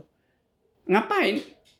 Sehingga ya akhirnya di dilulusin kan supaya uh, skopus apa apa nilai kita pernah meluluskan sekian tapi gue tahu itu yang lulus itu dipaksa buat lulus hanya untuk gengsi wow. UI misalnya kita pernah meluluskan iya bukan itu bilang aja kita tidak meluluskan mereka yang dungu kita hanya meluluskan 10% justru supaya orang tahu oke okay, berarti ada tapisan kualitas yang luar biasa yeah. di universitas negeri itu universitas negeri itu udah, udah mahasiswa negeri itu mahasiswa mahasiswa umumnya kalau dia nggak masuk kelompok studi itu bego juga. Jadi justru dia belajar di kelompok lain, seniornya yang uh, organisir kelompok-kelompok itu kan. Itu itu sebetulnya pusat kebudayaan juga yang mestinya negara ada satu pusat kebudayaan yang jadi acuan itu. Iya. Kalau sekarang pusat kebudayaan apa? Ada namanya visi nema itu pusat Iya. kebudayaan eh, untuk untuk mencari ilham dengan inspirasi dengan debat yang kuat untuk menghasilkan skenario tuh bahkan kalimatnya kita mesti gimana kalau kalimat eh, si di, di- di dalam skenario itu dirubah dari aktif Iya. jadi kalimat pasif Iya. mungkin lebih lebih eh, menggoda kalimat itu kan itu Iya. itu itu maksudnya kan Top, eh, top. pembicaraan kan top. Itu- Kaya tuh. yes Kaya. Gue lagi mikir, gue kan sekarang ngajar. hmm. Gue lagi mikir, ya kayaknya nasib murid- lu akan jadi pengajar Kayaknya sih ke situ. Dan gue gak keberatan, itu mulia banget kan. Dan gue lagi mikir-mikir, gantian Murid- gue yang berhenti ngajar gue eh, jalanin bisnis gitu gimana nggak kenapa nggak gue bikin murid gue suruh nulis buku aja? iya iya Iya kan, satu kelas ada berapa puluh, 40, 50 orang. Oke, lu udah gue ajarin, akhir semester ini lu harus selesaiin buku. Lima orang ini chapter 1, Nah, lima orang ini ini- chapter 2. Oh, Nanti gue bisa jadi mentor Yes. lah untuk setiap type cha- chapter. itu keren artinya Iya kan? dia akan terus menerus eh, terlibat dalam pembicaraan karena ditugasin maka satu semester itu pembicaraannya adalah buku referensi fact baru segala macam wah itu wah Iya. itu maksudnya bilang sama Nadim begini mestinya eh, Iya. eh, kurikulum sa- saat pandemi SMA SMP dibikin lima grup bikin buku ya kalian nanti Iya. Akan ada tutor. Gue misalnya jadi jadi volunteer, lu jadi volunteer di satu SD untuk lima grup itu. Jadi kita bisa terlibat di situ kan. Top. Kan itu mestinya tuh ide di dalam keadaan krisis pandemi. Bukan pakai kurikulum, biasa tapi di rumah. Ya orang bosan juga di sekolah kurikulum yang sama. Iya. Gitu. Ini kan cuma soal tipping point itu. Iya. Dan dan yang lebih ngeri lagi adalah stunting di Hmm. Indonesia. Dan Iya. dan gue kan percaya, gue percaya banget lah pembentukan otak itu terjadi hanya sampai lu umur 9 tahun. Ya formative years. ya. Jadi kalau udah, bablas ya Yes. udah selesai, lu nggak bisa ngapa-ngapain lagi lah. Maksudnya ada kemajuan tapi lebih eksponensial kalau lu bisa didik lebih bermutu sebelum umur 9 tahun. Jadi primary education tuh penting banget loh menurut gua. Jadi kalau gue lihat guru-guru yang ngajar di TK sama SD itu penting banget, Iya. harus berkualitas. Iya. Ya bukan berarti SMP, SMA, universitas kagak ya. Kan itu memang intinya itu. Yang gue terangin tadi Indramayu itu stuntingnya itu paling tinggi di Jawa tuh. Padahal tuh ada ikan di situ ada beras ada oksigen. Kok bisa stunting? Jadi ada policy tadi yang nggak nyambung. Ya. sekarang dibikin jalan tol itu polusi jadi banyak. Kan mesti dipikirin kan? Iya. jadi stunting tuh gila di situ. Ya. prostitut wow itu terus menerus karena dia nggak punya kemampuan lain selain Ya. eh, prostitusi. Jadi kita kita mau lihat satu paket yang yang bisa eh, jadi shaping ideas Ya. untuk membangun ulang bangsa ini dan eh, kayak percakapan begini kan mesti diperbanyak sebetulnya. Iya. Eh, misalnya satu menteri setiap minggu satu vlog aja dia ngomong begini dengan narasumber dia yang bagus dia jadi moderator atau sebaliknya narasumbernya yang cecer dia tuh Iya. kan enak kan Iya. lega tuh lalu anak anak-anak nonton oh Di- begini ya diskursuskan saja. ya jadi public discourse yang Iya. begini nah kita kita bicara tentang politics of hope harapan ya Iya. Eh, gue mau geser dikit nih. Yes. Mau nanya mengenai filsafat. ya oke Lu ngajar filsafat. Gue juga Hmm. cukup ngikutin lah. Mhm. Siapa fil philosopher yang lu paling idolakan atau gemari atau siapa? Eh, Kalau ya, kalau banyak orang kan Plato karena dia yang Iya, menciptakan republik yang nyambung ke proses demokratisasi di banyak negara. yes itu Kalau lu tuh gimana? secara secara individual kalau kita mau dekatkan eh, karakter kita dengan seorang filsuf itu kan tergantung apa yang jadi problem hidupnya gitu kan Hmm. sehingga nggak ada patokan umum itu gue misalnya eh, suka dan eh, ikuti logik eh, eksistensialisme dari Nietzsche itu Oke.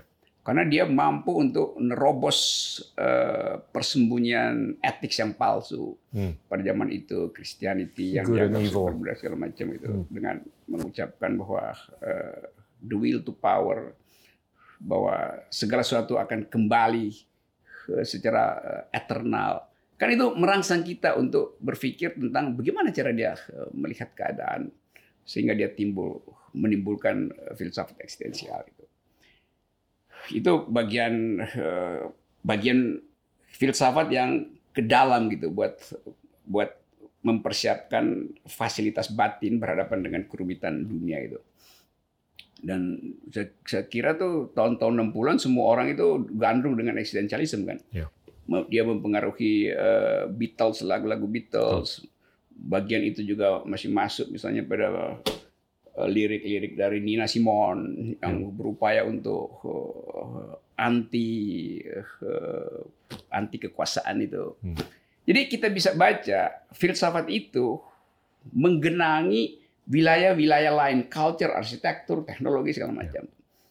Nah itu gue sendiri tuh anggap Nietzsche itu. Tapi kalau soal politik ya Nietzsche tidak bicara itu. Gue ya. mesti cari misalnya filsuf Amerika John Rawls misalnya hmm. tuh yang wow. berupaya uh, mendamaikan lo di Harvard pasti hmm. karena dia profesor di situ. Hmm melihat eh, problem justice itu dengan mencoba mendamaikan antara liberal yang klasik hmm. dengan eh, solidaritas manusia itu. Sehingga di dalam film West Wing ada caption kalau dia macet perdebatan call John Rawls. Kan orang siapa tuh John Rawls?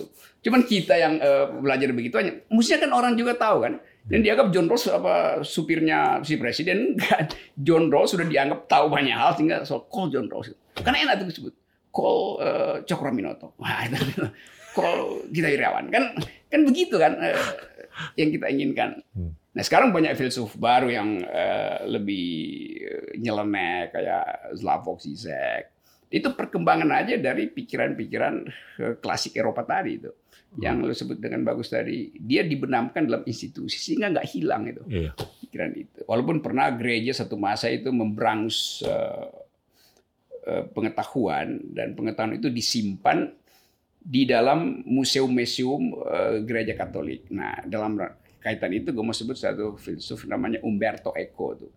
Hmm, Umberto Eco itu dia nulis satu buku novel judulnya The Name of the Rose itu, Name of the Rose itu. Yang kemudian jadi film tuh, Name of the Rose. Jadi dia gambarkan bahwa pengetahuan itu disembunyikan di dalam perpustakaan yang hanya boleh diakses oleh elite pada waktu gereja Katolik. Sehingga mereka yang masuk ke situ kalau nggak diizinkan elite pasti mati itu, dianggap ini kutukan Tuhan. Padahal sebetulnya si eh, penguasa pada waktu itu gereja buku itu ditaruh racun di ujung ujung halamannya Kan kita biasa baca buku gini kan pakai lidah kan buat buka. Nah jadi ketahuan yang mati itu sebenarnya karena racun. Karena dia nggak tahu itu ada racun. Kalau yang udah ngerti dia nggak akan pakai lidah tuh. Jadi suatu waktu peristiwa ada orang yang mati meninggal lalu dianggap ini karena melanggar aturan Tuhan. Padahal itu adalah kerjaan kriminal mereka yang hendak menghalangi ilmu pengetahuan. Wow. Nah, kayak begituan kan cerita itu aja kan bisa menimbulkan uh, alam pikiran baru pada ilmu pengetahuan kita. Pernah ilmu pengetahuan dihalangi hanya oleh arogansi agama. Itu kan, iya. itu kan dalilnya. Lalu timbul perdebatan. Di kita bagaimana? Apa yang terjadi? Bagaimana dengan uh, Syekh Jenar? Bagaimana dengan Pramudia Anantatur? Kan kan menimbulkan tadi lu bilang public discourse hidup. Iya. Jadi kalau dis, buat disingkat ya kira-kira gua hubungkan antara Nietzsche tadi, John Rawls, Umberto Eco, ya yang lain-lain boleh. Tapi kalau mau belajar ini buat yang uh, anak-anak milenial yang iya. nonton.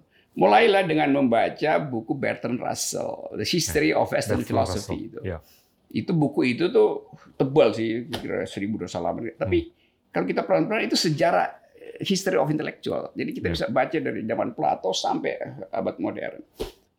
Misalnya buku itu, itu selalu ada di kamar baca dan kamar tidurnya Bill Clinton dulu tuh. Dia selalu balik ke situ. Jadi semua filsuf dibikin pendek-pendek, tapi uh, historinya dapat. Jadi itu kayak baca kaca baca cergam aja tuh. Uh, ya sedikit lebih susah dari baca Sinchan lah, tapi oke okay, kalau dipaksain masih bisa lah.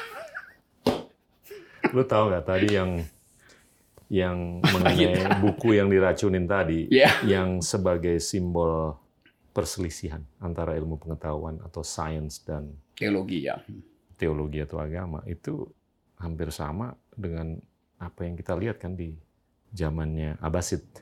Abbasid. yang Yes. jaya Abbasi. selama hampir 500 tahun. Iya. Dan itu kan ya kita bisa bangga lah sebagai negara muslim bahwasanya Islam waktu itu berkibar dengan sains, Mhm. ya kan? Al-Khwarizmi. Banyak yang nggak tahu bahwa algorithm Mhm. itu muaranya Mhm. adalah Al-Khwarizmi, Iya. algorithm. Mhm. Dia yang membuahkan aljabar, matematika, Ilmu mantik. astronomi dan lain-lain. Tapi itu ya di ujung-ujungnya itu kan ya apa sih ajaran-ajaran dari Hamid Al Ghazali yang lebih mengedepankan revelations dibandingkan Hmm, iya, iya, iya. teologi atau atau science. Nah itu kalau menurut gue menjadi watershed, Hmm. watershed moment, di mana yang lebih dikedepankan adalah Teologi. agama dibandingkan sains. Walaupun Ottoman berjaya selama 500-600 tahun, tapi mereka nggak bisa mengedepankan sains seperti apa yang dilakukan oleh Abbasid selama hampir 500 tahun semenjak Umayyad. Abasia ya. Ya, semenjak itu- Nabi meninggal kan Umayyad berkuasa 90 tahun, terus Abbasid hampir 500 tahun. Nah itu gue ngelihat gile. Terus ya hulagukan, nyerang Baghdad di abad ke-13 kan, Mhm. 1253 atau apa. Itu jadi tipping point di mana Islam itu nggak merangkul dan mengedepankan sains seperti apa yang kita mungkin bisa harapkan. Iya itu 700 ya, tahun gua- terakhir. baca eh, sejarah itu kan memang eh, pikiran pengetahuan Barat itu karena disembunyikan oleh gereja selama 1000 1600 tahun itu kemudian hilang referensinya. Itu ada banyak yang dibakar juga. tuh. Tapi beberapa eh, buku dasar Plato, Aristoteles, eh, Hippocrates itu diselamatkan dan kemudian dibawa ke negeri Arab. Ya. Jadi diterjemahkan sebenarnya bahasa Arab, kemudian diterjemahkan ulang ke bahasa bahasa Inggris itu. Ya, Jadi- Alexander kan Ya. muridnya Aristotle. Iya. Dia yang bawa, bawa ke Nah, Persia. dibawa Hmm. ke situ. Jadi eh, peradaban sebetulnya nggak putus, justru karena ada intelektual eh, Arab waktu itu Iya. yang tertarik pada ilmu pengetahuan. Betul. Nah, kemudian memang ada debat eh, mana yang lebih penting, wahyu atau akal gitu kan. Iya. Eh, Agasali menganggap oke kita agungkan wahyu. Pikiran-pikiran akal itu hanya boleh untuk mengecek bukan diunggulkan. Nah, sebagian menganggap bahwa enggak mesti mesti akal yang didahulukan namanya filsafat apa itu. Jadi kita sebetulnya bisa terangkan itu sebagai problem dalam sejarah pengetahuan. Kita nggak perlu terlibat dalam eh, dilema itu kan. Hmm. Nah kita kadangkala menganggap kalau masuk wilayah itu nanti soal agama dibawa bukan. Ini sejarah jadi secara fakta kita mesti eh, percakapkan. Nah ini mestinya juga masuk dalam kurikulum membicarakan bagaimana ilmu pengetahuan bertumbuh dan bagaimana dia dihalangi. Gitu. Hmm. Kan itu enak kalau bicara itu kan. Iya. Tapi guru itu balik kepada guru, dia mesti punya perspektif yang eh, makroskopis sekaligus tebal eh, kritisismenya. Iya. Supaya dia nggak mempromosikan sesuatu. Ya. Ahli fisika yang paling terkenal aja, Mhm. Albert Einstein, Yap. dia yang mengatakan kan, bahwasanya eksistensi alam semesta itu bukan suatu coincidence. Itu kan spiritualis. Jadinya dia justru mengamalgamasikan eksistensi religi dengan sains. Dan menurut gue sih dia justru sangat percaya dengan eksistensi Tuhan yang Maha Kuasa. Dan Ya. itu nggak ada alasan untuk kita bisa mengedepankan sains selama kita beragama. Ya kan? Itu itu terjadi. eh, Stephen Hawking juga mengalami hal semacam. Jadi begitu dia maksimalkan daya pikir eh, logiknya, akhirnya dia tiba pada semacam kekosongan itu. Iya. Nah kekosongan itu dia mesti jawab itu. Agama memberi fasilitas itu sebagai pengalaman spiritual. Jadi berilmu juga adalah pengalaman spiritual. tuh. Iya. Kan kita diajarkan seolah-olah anak teknik nggak boleh belajar filsafat gitu. Anak filsafat eh, jangan sentuh-sentuh matematik. Padahal ilmu itu satu satu kandungan dari dulu yaitu keinginan untuk menerangkan sekaligus mengagumi gitu. Fascinating sesuatu sekaligus menggetarkan tremendum. Iya. Ya itu eh, itu sebetulnya yang paling bagus di dalam ungkapan Immanuel Kant, Iya. filsuf Immanuel Kant. Dia Betul. bilang bahwa manusia itu berjalan dengan bintang di atasnya Hmm. dan eh, moral di hatinya tuh. Iya. Kan dituntun oleh bintang sebagai simbol pengetahuan dan kata hati untuk Iya. untuk memberi semacam wake up call. Eh lu sebetulnya ada tanggung jawab etis kan itu itu kan uh, filosofi pendidikan yang sebetulnya bisa kita pakai aja semua orang kan bisa Dahsyat. cara itu. Hmm. Kalau Descartes gimana menurut lo? Descartes itu satu periode I yang think therefore I am. cogito ergo sum. Kalau kita sekarang coitus ergo sum. Iya. aku coitus maka aku ada. nah kita sekarang mengalami hal yang nggak begitu gitu. Eh, kan Descartes mau berupaya untuk memberi eh, titik balik dari teologi ke rasionalitas. Iya.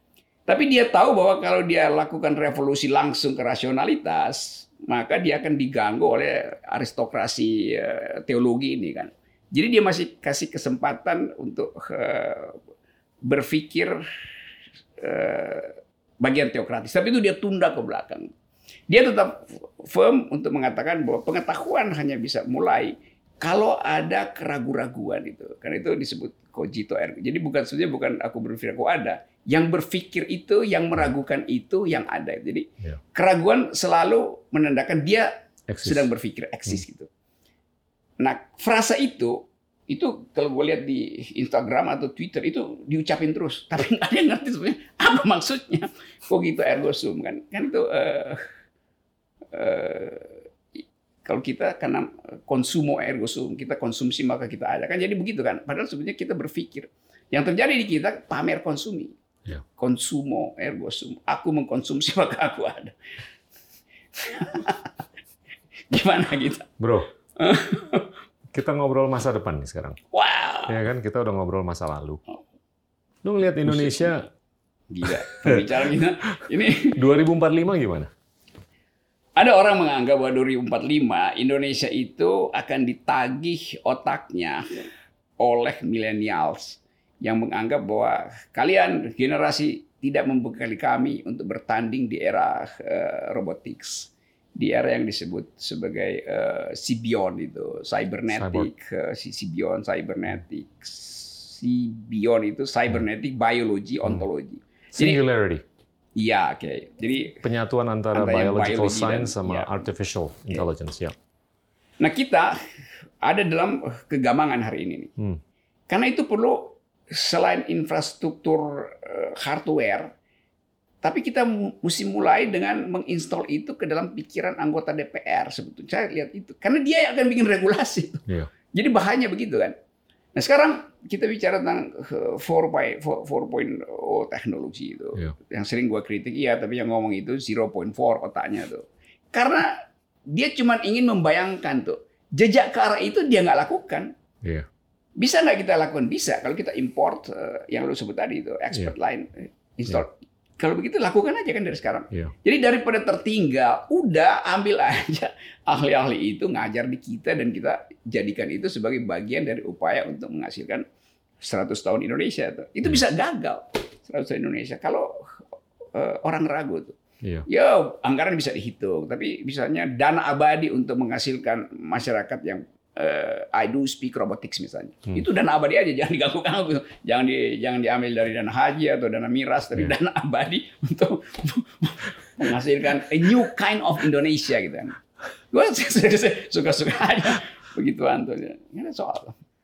Oke, ini ujung-ujungnya perlu proses politik kan. Emang itu Nah, gimana supaya yang masuk ke politik itu adalah orang-orang yang top? Udah kita tapis mulai sekarang kita undang satu-satu potensi kita kita masukin di eh, podcastnya kita. Tadi kan kita udah ngomong gimana orang-orang yang top dari dari dari lembaga pendidikan mau jadi guru, ya kan? Terus mau ikut ke proses politik untuk Sekarang soalnya perbaikan. insentif apa yang bisa diberikan oleh partai supaya mereka yang masuk ke ke, ke partai itu tidak eh, berebut ya jadi ujung-ujungnya kesejahteraan, Oke, iya kan? Oke. Tapi Tinggal kita jelas. pastiin aja duitnya ini datang dari sumber yang oke. Ya Iya kan? itu yang mesti di kan ini soal kurikulum di partai. Ah. Kalau nggak ada kurikulum kayak begini yang kita bicara ini kan semua kurikulum yang Iya. mestinya diadopsi oleh partai politik. Iya. supaya anggota partai politik nanti dia tahu bahwa dia tidak eh, berminat untuk masuk di komisi anggaran kan Iya. kebanyakan kan di banggar badan anggaran Iya. buat ngintip duit doang kan Iya. jadi dari awal partai itu mesti dikaitkan dengan kalau presiden bilang visi 2004, ya tapi apa visinya itu? Iya. Sebutin aja tuh. Meningkatkan IQ nasional tiga kali lipat misalnya. Jadi Iya. jelas ada ukurannya gitu. Sehingga si anggota partai politik nanti juga akan dilihat oleh rakyat. Eh kalau lu nggak bisa berdebat dengan logika yang bagus, kita nggak pilih. Mau lu sogok partai itu dengan amplop tebal, di outsource untuk dapat eh, duit, nyogok jadi anggota DPR, nggak ada nggak kita nggak akan pilih. Karena kita udah pakai standar bahwa politik itu adalah debat konsep. Debat konsep itu dasarnya adalah kemampuan untuk merumuskan ide dengan logis koheren Hmm. dengan implikasi yang terukur. Cuma itu aja kan idenya. Iya. maka tentu aja eh, dosen mungkin akan keluar dari universitas buat anggap oke partai ternyata lebih hebat dari universitas karena ada kurikulum yang eh, diasuh oleh kita wirawan misalnya kan. Buat ya itu buat desain logic dalam bisnis itu. Yang itu sebetulnya kan. Kan kalau misalnya orang Gita Wirawan ngajar. Ngapain sih Gita ngajar? Kan dia pengusaha. Jadi orang nggak tahu bahwa oh, eh, baju jas publik kita itu itu kita perlukan mungkin ya empat jam doang untuk bisnis. Hmm. tapi kita ingin agar supaya setiap orang jadi guru. Jadi Iya. potensi itu kan ada di ada eh, Kopassus kolonel ngobrol sama gue tajam banget pikirannya tuh gue pernah ngajar di di uh, Seskogap Abri di Bandung itu Hmm. ketemu dengan kolonel itu dia baca literatur Iya. melampaui profesor usaha gue kagum banget Iya. karena dia berpikir bahwa eh gue militer Iya. tapi itu tugas saya buat negara tugas saya buat bangsa lain lagi itu itu mendidik negara memang perlu saya kepangkatan saya tapi otak saya harus saya isi karena saya ingin jadi guru itu kan gila tuh orang Wow. begitu begitu kan yang nggak ada nggak disorot oleh talk show karena nggak boleh ngomong. Kalau militer hanya boleh ngomong tentang army readiness bukan eh, thought readiness itu kan? Iya. gitu-gitu. Banyak sebetulnya tuh potensi itu. Yang mesti dibaca dengan eh, drone drone Iya. yang bersih bukan drone eh, tukar tambah korupsi kan? Lu, lu sering ngomong mengenai bernalar, Iya. ya kan? Gimana tuh? Untuk kepentingan kita bisa jadi bangsa yang hebat tahun 2045? Gue sering anggap bahwa orang takut konfrontasi sih dalam nalar. Padahal ini cuma konf- konfrontasi nalar kan. Iya. Kan kita hanya bisa maju kalau dialektik kita kita hidupkan kan. Iya. Jadi kita justru mesti minta dibantai. Kalau lu nggak mau minta dibantai, gue bantai lu gitu ya. Tapi kan itu membantai dalam pikiran atau gue tegur lu dalam pikiran. Gue nggak tegur moral lu, gue nggak Iya. tegur mental lu, gue tegur pikiran lu itu. Iya. Sehingga timbul diskurs. Diskurs Iya. kan bercakap-cakap. Iya. Lalu kita naikkan narasi.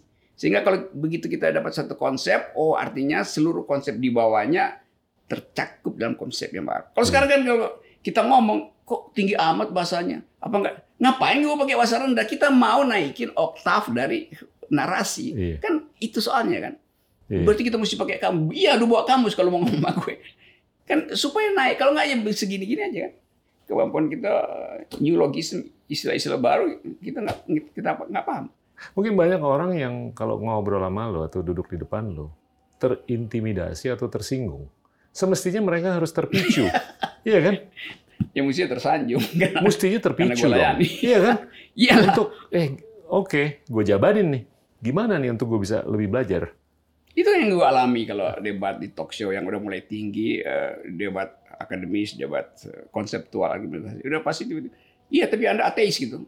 Jadi gue disebut ateis pun, pun itu cuma label supaya gue berhenti ngomong kan. Iya, Karena kalau disebut ateis artinya nggak boleh ngomong gitu. Iya, Bukan Indonesia tuh. Kalau kita tanya, yang lu maksud ateis atau antiteis? iya. Itu aja dia udah bingung kan. Iya. Tapi dia cuma mau bilang itu. Atau dengan gampang, Rocky Gerung itu kan pro LGBT. Lo apa hubungannya dengan Iya. kalau gue bilang iya gue pro karena itu demokrasi itu artinya nggak boleh kasih kritik karena itu Iya. berbahaya jadi nggak mampu untuk melihat eh, dunia yang di atas eh, kita yang membutuhkan abstraksi jadi berpikir abstrak itu gagal di di, di jalan mau, gue mau challenge lo nih. ya Lu, lu setuju nggak untuk kita bisa lebih maju ke depan? Ini bukan semata hanya ditopang oleh demokratisasi pipa komunikasi, tapi justru lebih penting demokratisasi ide. Dan gue melihat justru pipanisasi Hmm, oh, informasi ini sudah terdemokratisasi, tapi ide tidak terdemokratisasi. Paradoksikal kan? Hmm. Dan- Iya benar juga Itu kalau menurut gue mendilusi, menyutkan proses belajar. Loh, kenapa kalau ada seribu ide, kenapa nggak kita dengar semuanya? Hmm. Kok justru yang mau didengar cuma satu atau dua dari seribu ide? Padahal pipanya ada seribu, bahkan ada dua ribu, ada sepuluh ribu. Mungkin dianggap kalau pipa itu dia bisa didistribusi dengan pola gitu. Iya. Sehingga terjadi harmoni gitu. Tapi Kalau gini, ide bro. bisa dia bocor lalu terjadi kakofoni gitu kan. Orang Gue takut pada gue gue nggak menyalahkan policy maker atau siapa pun, gue justru menyalahkan pemilik teknologi. Karena mereka Hmm, dengan gimana machine learning, artificial intelligence, dan kepentingan komersilnya mereka, Aha. mereka sudah bisa memanipulasi psikologi manusia Yep. sehingga ini bipolar, Mhm. ya kan? Mhm. Satu yang paling kiri, satu yang paling kanan. Oke. Yang menyebabkan justru ini hanya gaung di sini aja, ini gaung di sini, ini nggak bisa komunikasi satu sama lain, nggak bisa penetrasi satu sama lain, dan itu menyebabkan tidak terjadinya demokratisasi ide. Iya itu. Itu mendangkalkan. Hmm. Itu ada buku Madilog gitu. Tapi nggak tahu menurut lo, bahwasanya demokratisasi pipa komunikasi atau informasi itu terjamin, tapi itu nggak menjamin demokratisasi, demokratisasi ide. Itu menurut gue kurangnya ide itu yang mengurangi atau menggerus proses belajar atau pendidikan. benar, benar, benar, benar dalam arti eh, ketakutan pada orang berpikir. Kadangkala menyebabkan dia lakukan eh, sublimasi dengan mengagungkan diri sendiri, mengagungkan eh, komunitasnya. Jadi takut menghadapi pikiran diatasi dengan menaikkan status sosial, menaikkan eh, status ekonomi, menaikkan eh, status ras, menaikkan status kesolehan bahkan dinaikkan hanya Ya. karena takut berhadapan dengan pikiran. Jadi Ya. pipanisasi pada informasi bagus tadi, tapi eh, idenya justru ada di pipa-pipa berkarat itu. Mampet. Mampet. Pipanya ada 2000. Idenya ada 1000.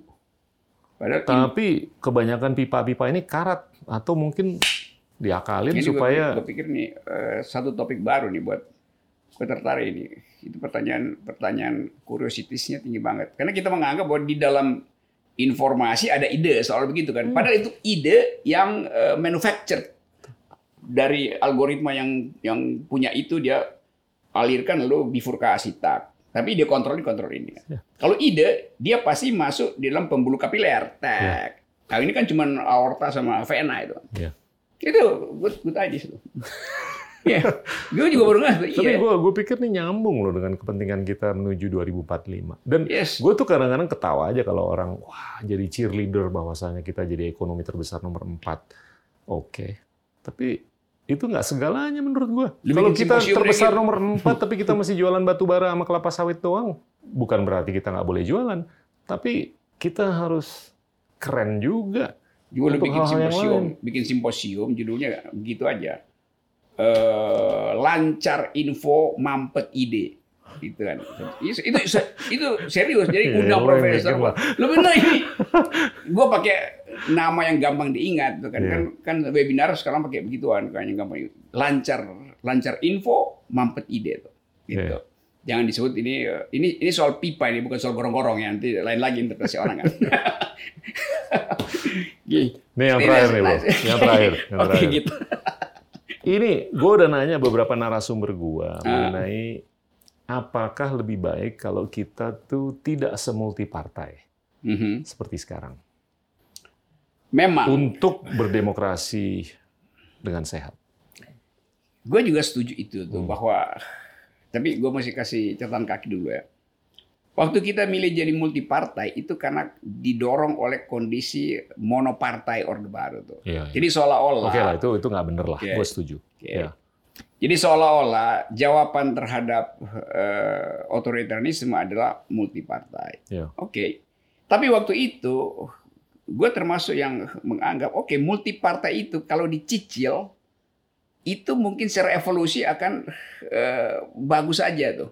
Tetapi kalau dia dibuka pada waktu itu, sementara mental tadi gue terangin itu mental feodal, mental mumpungis masih masuk di situ, nggak ada gunanya multi partai. Iya. Karena itu itu jadi lahan orang beli tiket doang. Iya. Kompetisi di situ kompetisi palsu kan dianggap multi partai kompetitif. Iya, tapi itu kompetisi palsu karena di belakang setiap partai ada oligarki, ada plutokrat itu, ada vested interest community gitu. Hmm. Sehingga nggak jalan sebetulnya sistem multi partai kita. Iya. Itu yang terjadi sekarang. Nah akibatnya dia mau pasang threshold sekarang. Ya bagaimana multi partai tapi pasang threshold kan bertentangan kan akhirnya. Kalau begitu bikin aja eh, tadi saluran pipa yang nanti akan berujung pada dua partai. Iya. Tetapi saluran itu mesti dihasilkan oleh diskursus yang yang dalam Iya. bukan tiba-tiba DPR ajukan oke kita dua tapi mesti mulai dengan begini bisa ajak talk show sehingga orang ngerti bahwa ujung dua partai itu adalah temuan pragmatik setelah ada diskursus yang yang eh, berkualitas kan Iya. Wah, nggak ada soal itu. Jadi proses menuju dua, par- du- dua partai itu yang harusnya mulai dihasilkan sekarang. Nah kalau sekarang mestinya orang bicara itu, tapi yang terjadi bukan itu yang orang bicarain. Tiga periode presiden, kan itu yang mesti dibicarakan kan. Jadi nurun juga. Problemnya bukan tiga periode, tapi sistem rekrutmen kita yang menghasilkan para oportunis di dalam partai politik. Gitu. Ini udah juga simposium kedua yang begini. Multi atau gue, dui. gue, terpanggil nih. Lu semakin banyak ngomong, gue semakin banyak pertanyaan. Karena lu, karena lu sebagai banyak nyecer. Gini, gini, gini. Lu tadi ngomong Iya. oligark, Gitu. ya kan? Dan gue berhipotesa akhir-akhir ini bahwasanya eksistensi oligark ini bisa berkorelasi dengan peningkatan rasio koefisien Gini, Hmm, kesenjangan. oke. Ya kan? Oke, tolong. Redistribusi kesejahteraan Yes. Mm-mm. itu nggak semaksimal, nggak seoptimal seperti yang kita inginkan. Mhm. R- Gini coefficient ratio udah meningkat, Oke. ya kan? Karena mungkin policy makingnya ini kurang oke nih, karena dipengaruhi iya, gue nangkep oleh kekuatan-kekuatan oligark, Yap. ya kan? Dan kenaikan rasio Gini ini bisa dibilang reverse Robin Hood. Hmm. Kalau Robin Hood itu Iya, kan iya. orang miskin yang nyolong dari yang kaya. Tapi ini kalau menurut gue reverse Robin Hood. Hmm. Yang kaya ini semakin menggerus Mhm. kesejahteraan orang yang lebih miskin. Yes. Nggak unik di negara-negara berkembang aja, tapi di negara maju juga. Bahkan di Amerika Serikat, di Tiongkok, di Eropa Barat, itu koefisien rasio Gini koefisiennya tuh meningkat. Bahkan Tiongkok dan Amerika Serikat tuh hampir mencapai 50. Di Indonesia 37, 38 Hmm. cukup tinggi. Nah ini gimana nih? Apalagi dengan COVID. COVID ini kan hampir pasti akan membuahkan deselerasi pertumbuhan ekonomi. Yep. Semakin pertumbuhan ekonomi turun atau menurun, semakin sulit untuk kita meredistribusikan kesejahteraan ke orang yang paling di bawah. Mhm. Semakin konyol kan? Nah ini gimana nih? Yang pasti kita akan bisa ngelihat ujungnya COVID ini mungkin dua tahun lagi lah setelah herd immunity itu tercapai 70% dari populasi harus divaksin. Kan yang terjadi sekarang, oligarki itu, oligarki diperlukan. Tapi bukan karena tukar tambah politik. Kan oligarki harus diukur berdasarkan tadi. Dia fungsional nggak pada Gini ratio index itu kan. Nah itu yang nggak di, di, di, di- tidak dinegosiasikan dengan politik. Kenapa? Karena politik hanya butuh oligarki sebagai cash cow. Ya. Kan ini, ini bahayanya kan. Ya. Jadi kita bukan anti oligarki, tapi dia tidak difungsikan untuk menghasilkan. Banyak oligarki yang positif. Yes, just itu. Ya. Gue mau bilang begitu. Ya, gue harus klarifikasi Yes. juga. Tapi selama secara keseluruhan postur kebijakan yang mereka bisa pengaruhi itu bisa membantu redistribusi kesejahteraan. Ya itu, Gue sih oke-oke aja. Itu- Tapi ini nggak nggak kejadian nih. ya, itu yang mesti fair di diselesaikan di dalam satu forum publik. Ya. Bukan dengan kasak kusuk. Jadi yang sekarang oligarki kasak kusuk.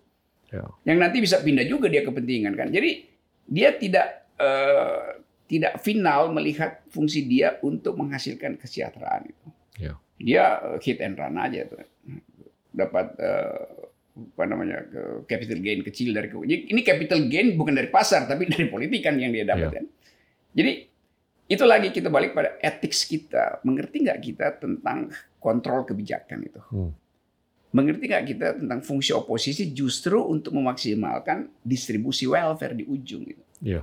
Nah itu yang dihalangi oleh kekuasaan karena jadi satu paket sebetulnya dengan uh, feodalisme masih ada di dalam hmm. ruang-ruang pengambilan kebijakan publik dan itu yang juga si oligarki dia mau bertanya udahlah gua gua tunggangi feodalisme aja kan dia mau mau berbisnis secara rasional dan dianggap ya sangat mungkin dia jadi rasional kalau dia nyogok gitu kan kalau nggak bagaimana dia mau akumulasi kalau hambatan birokrasi itu dasarnya feodalisme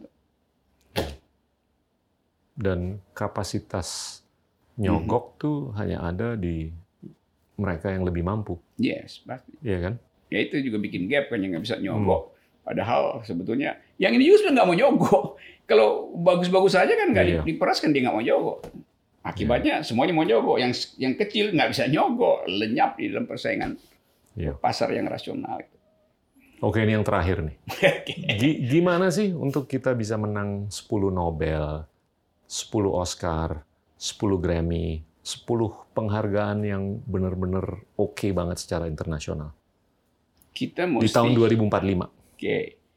Kita mesti buatkan semacam oase di sini yang menghidupkan uh, metode berpikir itu. Yeah. Supaya dia nggak brain drain gitu. Yeah. Kan diaspora kita tuh yang jadi profesor Tadi malam gue ketemu anak muda jadi uh, jam profesor di Nottingham yang masih muda udah ngajar fisika itu. Dan merasa bahwa kita ini mau balik mau ngapain gitu. Kalau kita mau kebanggaan ilmu pengetahuan, ada nggak jurnal di LIPI yang bisa uh, terima tulisan tentang uh, riset terakhir ganggang laut dengan kimia yang baru misalnya? Nggak ada. Kalau ada pun, ya itu sekedar populer, peer group peer reviewnya nggak ada itu. Jadi dia ya bekerja aja ada satu anak uh, dapat penghargaan dari Jepang untuk riset tentang mobil listrik. Ya dia riset di Michigan akhirnya. Karena lingkungan di sini itu uh, ya ngomong doang kan kita bikin mobil segala macam. Tapi yang dimaksudkan investor masuk, nanti kita jadi memproduksi bukan software dari mobil listrik, algoritma dari teknologi baru yang dikembangkan. Jadi bisa betul kan masa kita nggak bisa ini ini ini bangsa yang uh, dijepit oleh uh, kolonialisme sekarang dijepit oleh global kapitalisme mesti dia melesat gitu iya. orang yang terjepit kan itu ya yang terjadi di India India itu panen Nobel ke mana-mana iya. dalam soal eh, sains lagi kan iya. ekonomi sains segala macam jadi bisa tadi kalau oase itu memang disiapkan tadi dan yang lu bilang tadi uh, pipanisasi itu iya. itu mesti dibolong-bolongin dulu supaya yang mengalir di situ adalah konfrontasi ide tuh jadi akselerasi pada ide itu yang akan jadi drive untuk uh, menghasilkan guru yang bermutu. 10 orang ada soal tapi dia riset bagus dikasih jangan gajinya aja kang oh apa online lebih banyak tuh. Mereka yang mau pulang juga itu banyak kalau webinar gue dengan teman-teman luar dia pengen pulang. Yeah. tapi dia lihat gue mau ngomong di situ tentang perkembangan ilmu yang gue lagi terangkan di sini. Itu mau ngomong dengan siapa gitu. Yeah. kalau kebijakannya gue usulkan gue mau mesti mesti lobby dengan uh, partai karena yeah. partai yang menentukan uh, regulasi bukan universitas universitas itu mesti tunggu sinyal DPR jadi hambatan itu yang yang bikin kita tertinggal terus untuk menghasilkan uh, ya. cahaya dari timur. Lu tahu nggak dari 600-an Nobel dalam hmm. science itu 25 persen tuh diberikan ke orang Yahudi. Yep. Yahudi itu populasi dunianya itu mungkin 7 sampai 8 juta. Yep. Dari tujuh setengah miliar. Dan 20 persen. Kecil lah persentasenya kan. Kalau Muslim itu persentasenya mungkin 22 persen hmm. dari total populasi. Tapi yang menang Nobel itu di bawah 10 dari 600. Dan itu keturunan Pakistan dan Iran dan lain-lain. Jadinya dari situ aja lo udah bisa ukur, ya kan, penguasaan ilmu teknologi oleh masing-masing apa sih yes. penganut agama. Dan, Tapi nanti orang uh, menganggap bahwa teknologi hanya bisa maju kalau negaranya sekuler misalnya. Ya kita nggak bisa terlalu gampang lah Iya, stereotip kayak begitu kan. Pikiran begitu. Iya. Tapi Yahudi apa, apa kurang eh, radikalnya orang Yahudi beragama semua orang Yahudi di, di, di, dikondisikan untuk hidup dalam komunitas agama. Iya. Tapi dia dapat Nobel di bidang ilmu pengetahuan kan. Jadi itu dua metode yang berbeda tuh, kecermatan untuk Iya. menghasilkan pengetahuan dan eh, kedamaian untuk memperoleh asupan rohani itu Betul. dua hal yang berbeda. Tapi kalau gue baca ya di buku-buku tuh sampai mungkin 200-300 tahun yang lalu tuh orang Yahudi itu dibiasakan untuk belajar dari Torah. Mhm. Tapi semenjak 200-300 tahun yang lalu, mereka dianjurkan, dididik untuk belajar buku-buku pengetahuan. Ya. Nah itu mengubah Sehingga mereka lebih bisa berpengetahuan. Balik lagi ke topik awal tadi, gimana nih untuk orang Indonesia bisa lebih berbudaya baca? Oke, kan? depan kita set up Iya. Gita Wirawan Leadership School.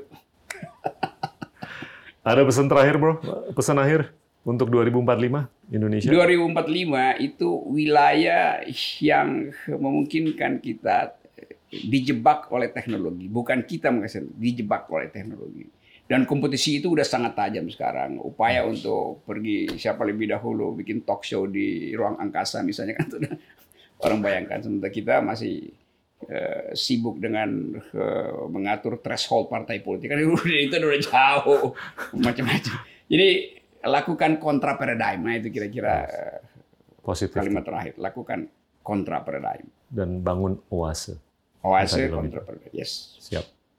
Thank you bro. Terima kasih bro kita Teman-teman, itulah Sip. Rocky Gerung, guru filsafat di berbagai lembaga pendidikan. Terima kasih. Endgame is a podcast by the School of Government and Public Policy Indonesia, the first Indonesian policy school to offer a full-time master's program in English, and is a production of The Cinema, Indonesia's award-winning entertainment and technology company. Oni Jamhari and Angga Dwima Sasongko are our executive producers. Ahmad Zaki Habibi and Jimmy Kuntoro are our supervising producers. Hana Humaira and Farah Abida are producers. Bobby Zarkasi is our director. Aditya Dema Pratama is our director of photography. Video editing by Felicia Wiradian. Alvin Pradana Susanto is our sound engineer. Ratri Pratiwi and Fiera Rahmawati are research assistants. Aulia Septiadi and Ferdizal Optama are our graphic designers. Transcriptions and translations by Isfi Afiani. The song you're hearing is by Niall Giuliarso, Ferdinand Chandra, and Philippus Cahyadi, mixed and produced by Gibran Wiryawan. The production of this episode adheres closely to the local authorities' health and safety protocols.